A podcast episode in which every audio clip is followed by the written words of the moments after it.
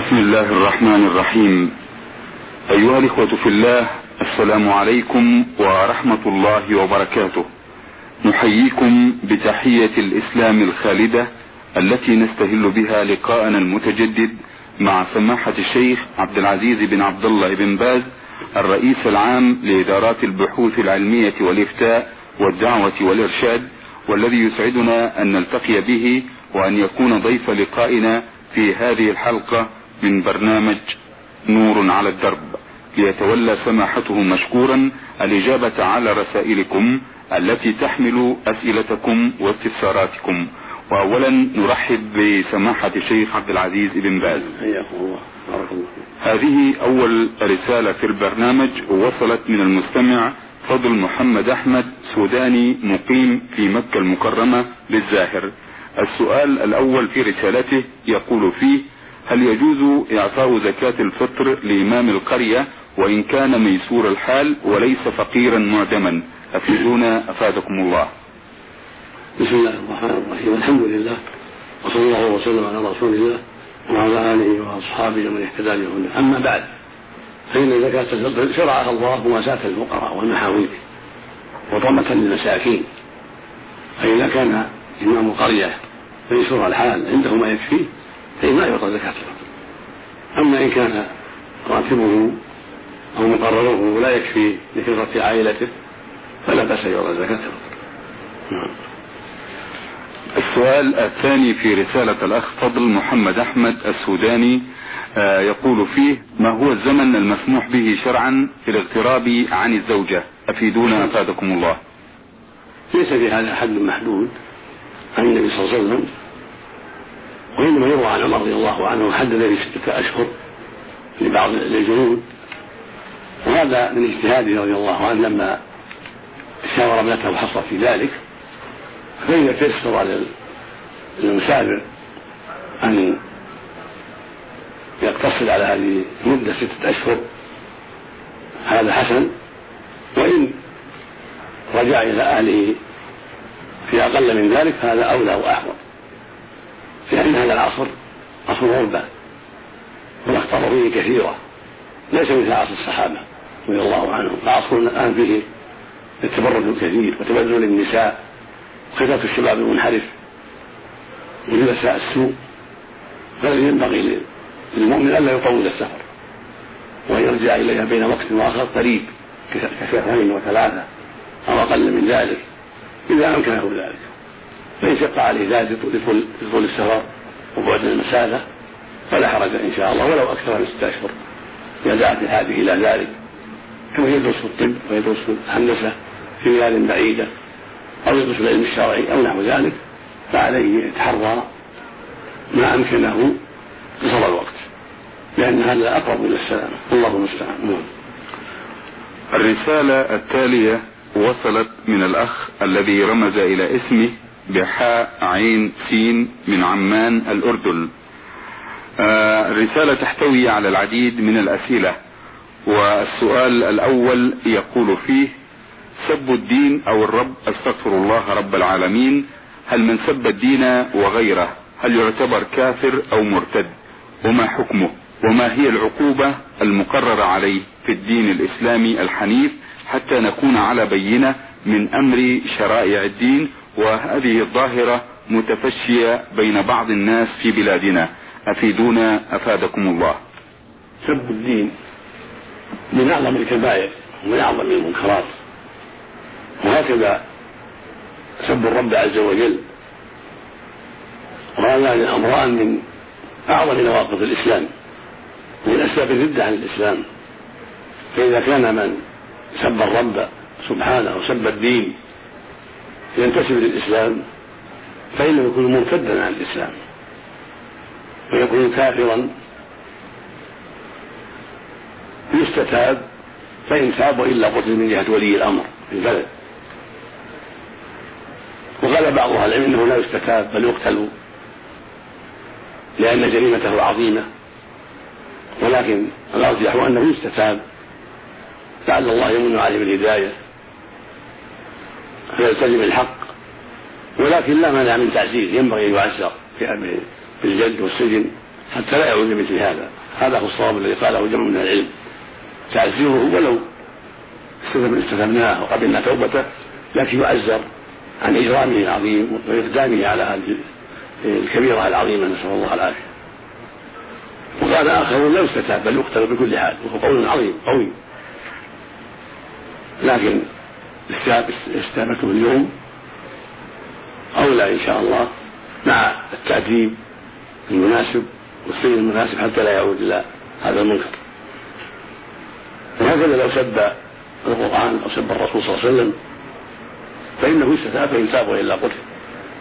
فإن سب الدين وسب الرسول وسب الرب عز وجل من نواقض الإسلام. هكذا الاستهزاء بالله أو برسوله أو بالجنة أو بالنار. أو بأوامر الله كالصلاة والزكاة فالاستهزاء بهذه الأمور من نواقض الإسلام. نعم. قال الله سبحانه قل أبالله وآياته ورسوله كنتم تستهزئون لا تعتذروا قد كفرتم بعد إيمانكم. نسأل الله العافية. نعم. السؤال الثاني في رسالة الأخ حا عين سين من الأردن يقول فيه هل صحيح ما نسمع من أن المرأة الغائب عنها زوجها مدة سنة أو أكثر يحق للقاضي التفريق بينهما حتى ولو أن مالا وعقارا تنفق منه على حوائجها الشرعية. ما حكم الإسلام في ذلك؟ أفيدونا أفادكم الله. ليس هذا صحيحا. بل من غاب عنها زوجها وطالبت الفراق فالقاضي ينظر في الأمر. فيكاتب زوجها لعله يحضر. أو يعرف عذره. يعرف أسباب طلبها الفراق ولا تجوز العجلة بقبول قولها مطلقا لا. ليس لهذا أصل. ولكن متى غاب عنها وطلبت الفراق ينظر في أمرها وفي أمره. ويكون القاضي في ذلك على اهتمام وعلى عناية بالأسباب التي أوجبت طلبها الفراق وبالأسباب التي توجب الفراق وهو يجتهد ويتحرى الحق وينظر ما قاله أهل العلم ويتبصر في الأدلة ويحكم بعد ذلك بما بغير الله. نعم. السؤال الثالث في رسالة الأخ حا عين سين الأردن يقول فيه هل سماع ومشاهدة الأغاني من الراديو أو التلفزيون حرام في الإسلام في بعض الأوقات من ليل أو نهار؟ أفيدونا أفادكم الله. نعم سماع الأغاني والملاهي. حرام في الإسلام كما قال الله عز وجل ومن الناس من يشتري له الحديث إلا عن سبيل الله وله الحديث قال أكثر العلماء إنه غنى ويضاف إليه أيضا أصوات الملاهي كالطنبور والعود كمان وشبه ذلك فهي كلها تصد عن سبيل الله وتقسي القلوب وتمرضها وأخبرنا الرب عز وجل أن ذلك من أسباب الضلال والإضلال. من اسباب استكبار العبد عن سماع كتاب الله. فالقلب إذا أمر بالأغاني وكثر سماعه لها فإنها تصده عن الحق وتصد له امراضا خطيره وتثاقل عن طاعة الله ورسوله وعن سماع القرآن والمواعظ. حتى قال عبد الله بن مسعود رضي الله عنه إن الغنى ينبت النفاق في القلب كما ينبت الماء الزرع وقال النبي صلى الله عليه وسلم لا يكون من أمتي أقوام يستحلون الحرى والحديد والصرق والمعازف أخبر أن يكون في آخر الزمن قوم يستحلون المعازف وهي محرمة. والمعازف الأغاني وآلات اللهو الله المستعان. نعم. السؤال الرابع في رسالة الأخ حا عين سي من الأردن يقول فيه هل المرأة المسلمة إذا سبت زوجها أو دين زوجها أصبحت طالب في الشرع كما نسمع من أكثر الناس أفيدونا أفادكم الله. إذا سب زوجها لا لا تكون طالبة. ولكن عليها التوبة إلى الله واستسماح زوجها. فإذا سمح عنها فلا بأس وإن سبها كما سبته قصاصا لا يزيد على ذلك فلا بأس. وإن سمح عنها فهو أفضل. لأن الله يقول وأن تعفوا أقرب للتقوى. والنبي صلى الله عليه وسلم يقول ما زاد الله عبدا بعفو إلا عزا أما سبها لدين زوجها وهو مسلم؟ هذا كفر نسأل الله العافية. إذا كان مسلم وهي مسلمة سبت دين زوجها هذا سب الإسلام نعوذ بالله. فلا يتساهل معها بل تؤدب تضرب عن هذا العمل السيء وتستتاب. فإن تابت عن عملها السيء وإلا وجب أن تقتل. وجب على ولي الأمر قاضي البلد وأمير البلد يستتيبوها فإن كانت وإلا قتلت.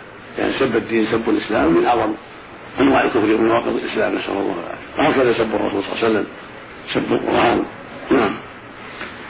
آه، السؤال الخامس والأخير في رسالة الأخ عين سين من الأردن يقول فيه هل الديوث الذي يتكلم عما يجري بينه وبين زوجته في الخلوة الصحيحة أم من هو الديوث بالشكل الصحيح في نظر الدين الإسلامي الحنيف؟ جزاكم الله خيرا. الديوث الذي يرضى بالفاحشة في أهله يرضى أن تؤتى زوجته يرضى بأن أهل الجنس يأتون زوجته بالزنا. هذا هو الديوث الذي يرضى أن تؤتى زوجته وأن يلنا بها لقلة غيرته ولفساد غيرته ولضعف إيمانه أو عدم إيمانه. هذا يقال ديوث أما الذي يتحدث عن حاله مع زوجته فهذا ناجم وقد يكون فاسقا بذلك ولكن لا يكون ديوثا.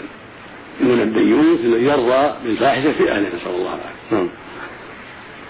الرسالة التالية وصلت من المستمع ميم راء عبد الرب من جمهورية اليمن الديمقراطية الشعبية عدن.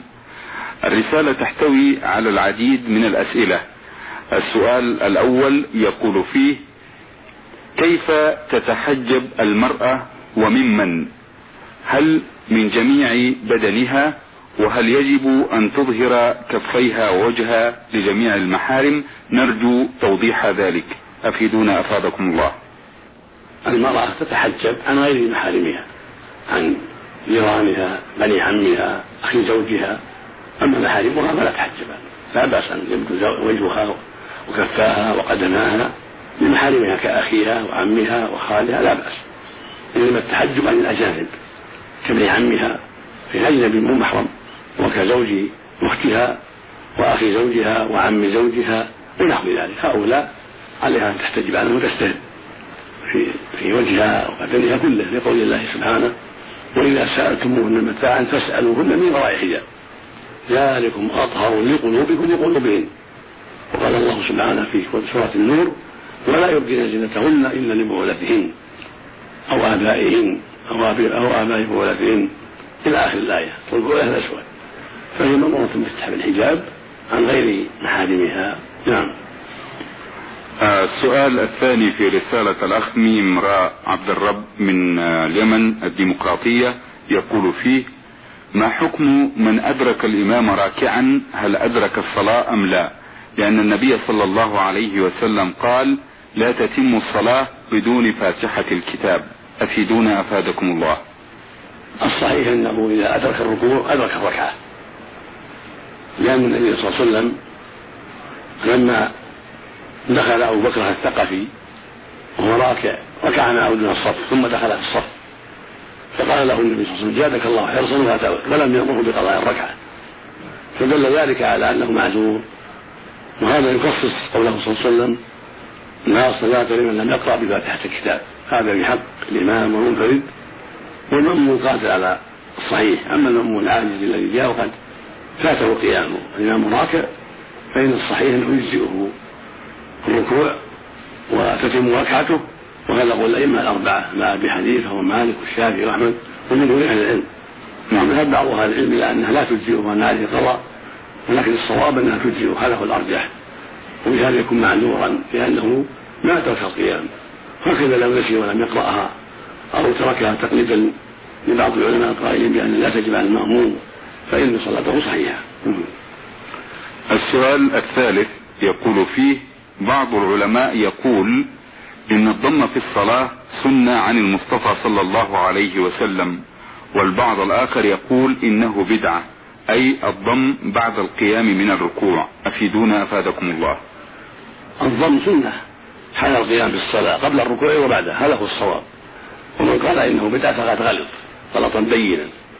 فقد ثبت في الحديث الصحيح عن وائل بن حجر رضي الله عنه قال رأيت النبي صلى الله عليه وسلم إذا كان قائما في الصلاة يضع يده اليمنى على كفه اليسرى ونصر والساعد رواه أبو داود والنسائي بلسان صحيح.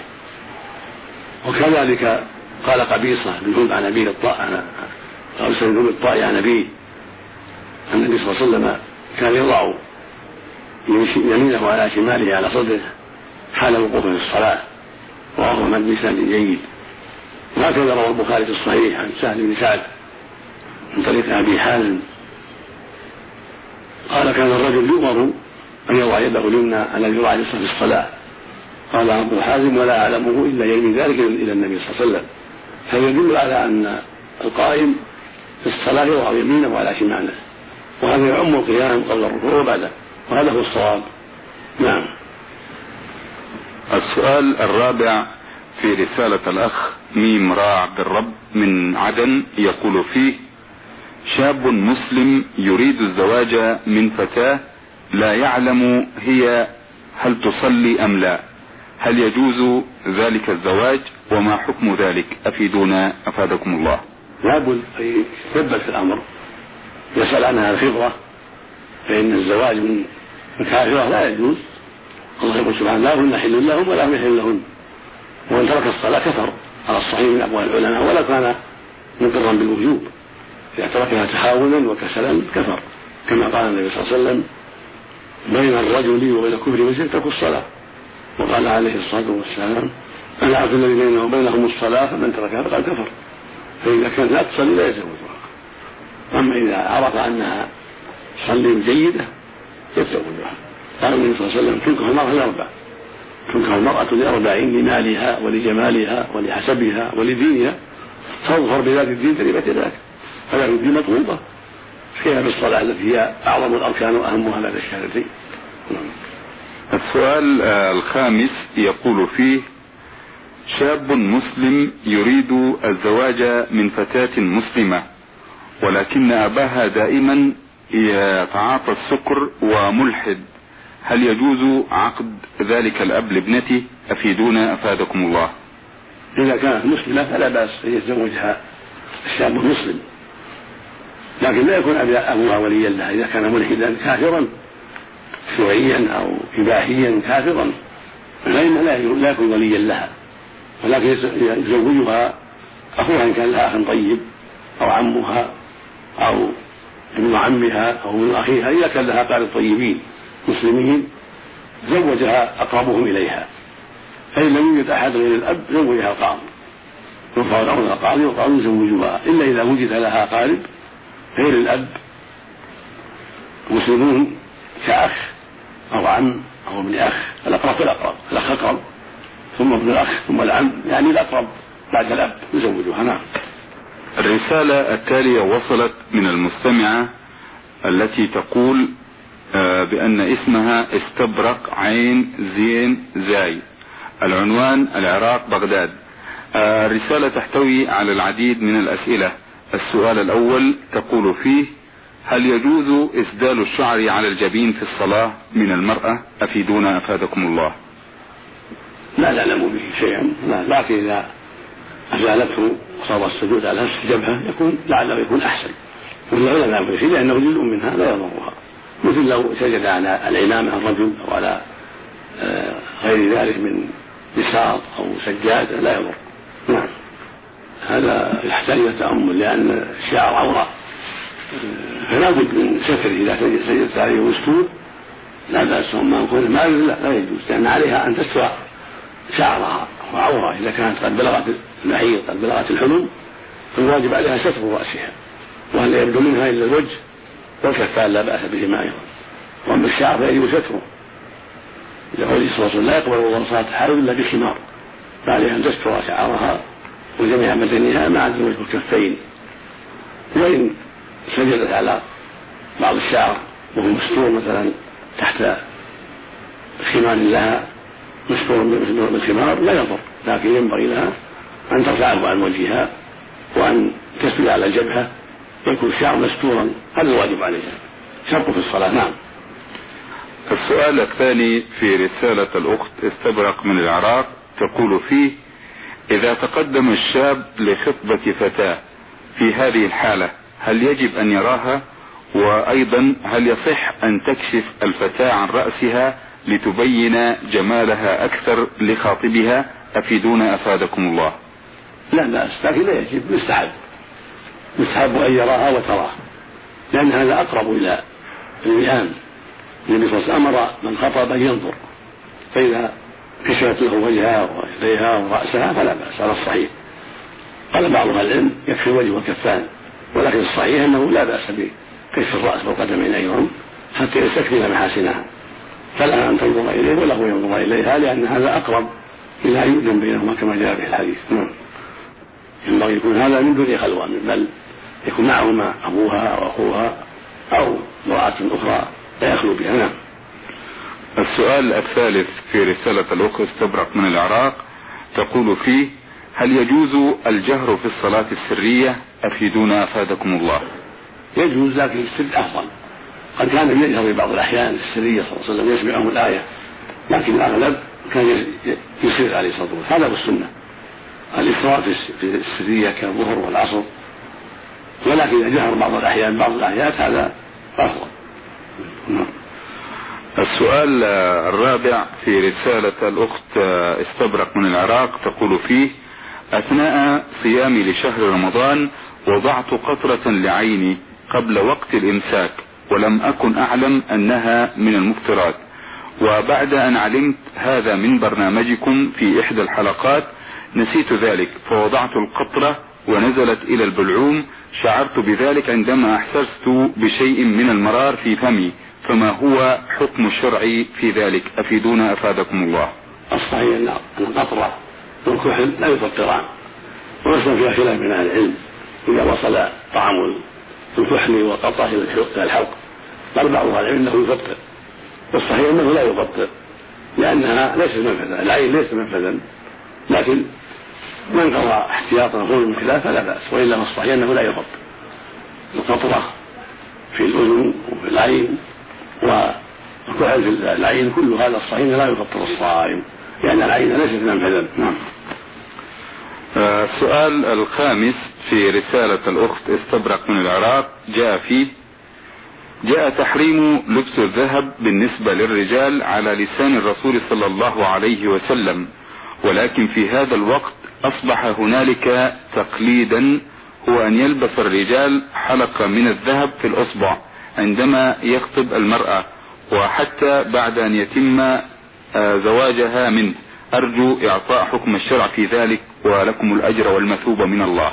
هذا لا يجوز. يلبس الرجل خاتم من الذهب لا عند الزواج ولا بعده ولا قبله. ما يجوز. لأن الرسول صلى الله عليه وسلم نهى عن التختم بالذهب في الأحاديث الصحيحة.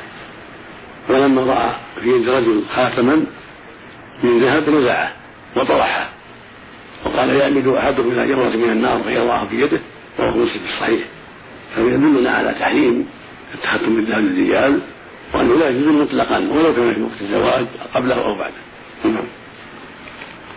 السؤال السادس في رسالة الأخت استبرق تقول فيه أنا أقوم بواجباتي الدينية من الصلاة والصوم وقراءة القرآن بكل إخلاص ومع ذلك أستمع للأغاني العاطفية والخالية من ذكر الخمر وما شابه ذلك من المحرمات. هل يصح لي ذلك؟ أفيدونا أفادكم الله. ثبتك الله على الخير ونسأل الله لك المزيد من الخير. لكن ننصحك بأن لا تسمعي الأغاني مطلقا لأنها شر ولأنها تفضي إلى فساد كبير في القلوب. ونوصيك بسماع إذاعة القرآن فإن فيها الخير العظيم. وسماع النور على الدرب وسماع الأحاديث النافعة المفيدة. أما سماع الأغاني فتركيها واحذريها لأن شرها كبير. وقد قال الله سبحانه ومن الناس من يشتري له يضل عن سبيل الله. قال أكثر أهل العلم إن لهو الحديث هو الغنى. وقال عبد الله بن مسعود رضي الله عنه إن الغنى ينبت النفاق في القلب كما ينبت الماء البقل وعبد الله مسعود هذا من أصحاب النبي صلى الله عليه وسلم ومن علمائه. والنبي صلى الله عليه وسلم عليه الصلاة والسلام يقول ليكون من أمتي أقوام يستحلون الحراء والحرير والخمر والمعازف فأخبر أن يكون في آخر الزمان قوم يستحلون المعازف وهي الملاهي والأغاني. نسأل الله أن يحمينا وإياك من ذلك. نعم. الرسالة التالية وصلت من الأخ السيد نصر أحمد سعيد والأخ خالد أحمد علام من جمهورية مصر العربية ومقيمين بالأردن عمان. الرسالة تحتوي على موضوعين. السؤال الأول آه، يقول فيه ما رأيكم في رجل حلف يمين طلاق واحد بالثلاثة على أخ مسلم آخر يعمل شيئا ما ولكن الشيء لم ينفذ؟ فهل اليمين يعتبر نافذة في حد ذاته على امرأته؟ وما حكم الإسلام إذا لم ينفذ ذلك اليمين في حد ذاته؟ أفيدونا أفادكم الله. إذا حلف الإنسان بالطلاق الثلاث على أن فلان يفعل كذا ويفعل كذا. كان يقول عليه الطلاق بالثلاث أن تكلم فلان. عليه الطلاق بالثلاث أن تصنع الوليمة الفلانية. عليه الطلاق مثل أن تزوج فلانة. هذا ينظر في قصد. فإن كان قصد التنزيل والتأكيد وليس قصد إيقاع الطلاق فهذا يكون حكم حكم اليمين. في كفارة اليمين إطعام عشرة مساكين أو كسوتهم أو تحرير رقبة فإن عجز صام ثلاثة أيام أما إن كان قصده إيقاع الطلاق إن لم ينفذ هذا الشيء. قصده أن يوقع الطلاق فليقع به واحد طلقة واحدة على الصحيح ويراجع زوجته إذا كان ما طلقها قبل هذا الطلقتين نعم. آه، يضيف الإخوة آه، السائرين في رسالتهم ما حكم الإسلام في رجل حلف يمين الطلاق وهو غاضب؟ وهل آه، يشترط سماع امرأته يمين الطلاق بأذنها أم لا؟ أفيدونا أفادكم الله. يختلف الغضب. إذا كان الغضب شديدا يشبه المجنون ما يعقل ما يقول هذا لا عند جميع أهل العلم. طلاقه غير. لاغي لفقد عقله. الحال الثاني يكون غضبه شديدا قد تملك عليه شعوره وملك عليه نفسه وقلبه ولا يستطيع التخلص من شدة الغضب بسبب المسابة بينه وبين زوجته أو بينه وبين أبيها مسابة أو مضاربة. التي أوجبت شدة الغضب فالصحيح لا يقع. أما إن كان غضب عاديا فإنه يقع. هذا الصواب في مسألة الغضب. بهذا التفصيل كما حرم ذلك ابن القيم رحمه الله في كتاب زاد المعاد وغيره وكما حرم ذلك أيضا أبو العباس بن تيمية رحمة الله عليهما نعم. السؤال الثاني في رسالتهم آه ما حكم الدين في زيارة القبور والتوسل بالأضرحة وأخذ خروف آه وأموال للتوسل بها كزيارة السيد البدوي والحسين والسيدة زينب. أفيدونا أفادكم الله. زيارة القبور نوعان. أحدهما سنة مشروع مطلوب. وهو أن يزورها للدعاء لهم والترحم عليهم ويكفي الموت وذكر الآخرة. هذا سنة. لقول النبي صلى الله عليه وسلم زوروا القبور فإنها تذكركم الآخرة. كان النبي يزورها صلى الله عليه وسلم. وهذا للرجال خاصة لا للنساء النوع الثاني أن يزورها لدعاء أهلها. والاستغاثة بهم أو للذبح لهم أو إليهم بالذبائح هذا منكر شرك أكبر نسأل الله العافية. ويلتحق بذلك أن يزورها للدعاء عندها والصلاة عندها والقراءة عندها بدعة هذا بدعة غير مشروع. فصارت الحقيقة ثلاثة أنواع. أنه الأول مشروع وهو يزورها للذكرى والدعاء تذكر الآخرة هذه سنة. الثاني أن يزورها للقراءة عندها أو الصلاة عندها أو الذبح عندها لله. هذه بدعة. الثالث أن يزورها ليذبح للميت ويتقرب إليه بالذبائح أو يدعو من دون الله ويطلب المدد أو الغوث والنصر. هذا شرك أكبر. نسأل الله العافية. فيجب الحذر. من هذه الزيارات الخبيثة. نعم. أيها الإخوة باسمكم جميعا نشكر سماحة الشيخ عبد العزيز بن عبد الله بن باز الرئيس العام لإدارات البحوث العلمية والإفتاء والدعوة والإرشاد على هذا اللقاء في برنامج نور على الدرب الذي أجاب فيه سماحته مشكورا على أسئلة الإخوة المستمعين المستمع فضل محمد أحمد سوداني مقيم في مكة المكرمة المستمع حا عين سين من عمان المملكة الأردنية المستمع ميم أراء عبد الرب من جمهورية اليمن الديمقراطية الشعبية عدن. المستمعة استبرق عين زاي زاي بغداد العراق. وأخيرا رسالة المستمع نصر أحمد سعيد والمستمع خالد أحمد علام من جمهورية مصر العربية ومقيمين في الأردن. أيها الإخوة الأكارم شكرا لكم على حسن متابعتكم وانصاتكم للبرنامج وإلى لقاء آخر إن شاء الله. والسلام عليكم ورحمة الله وبركاته.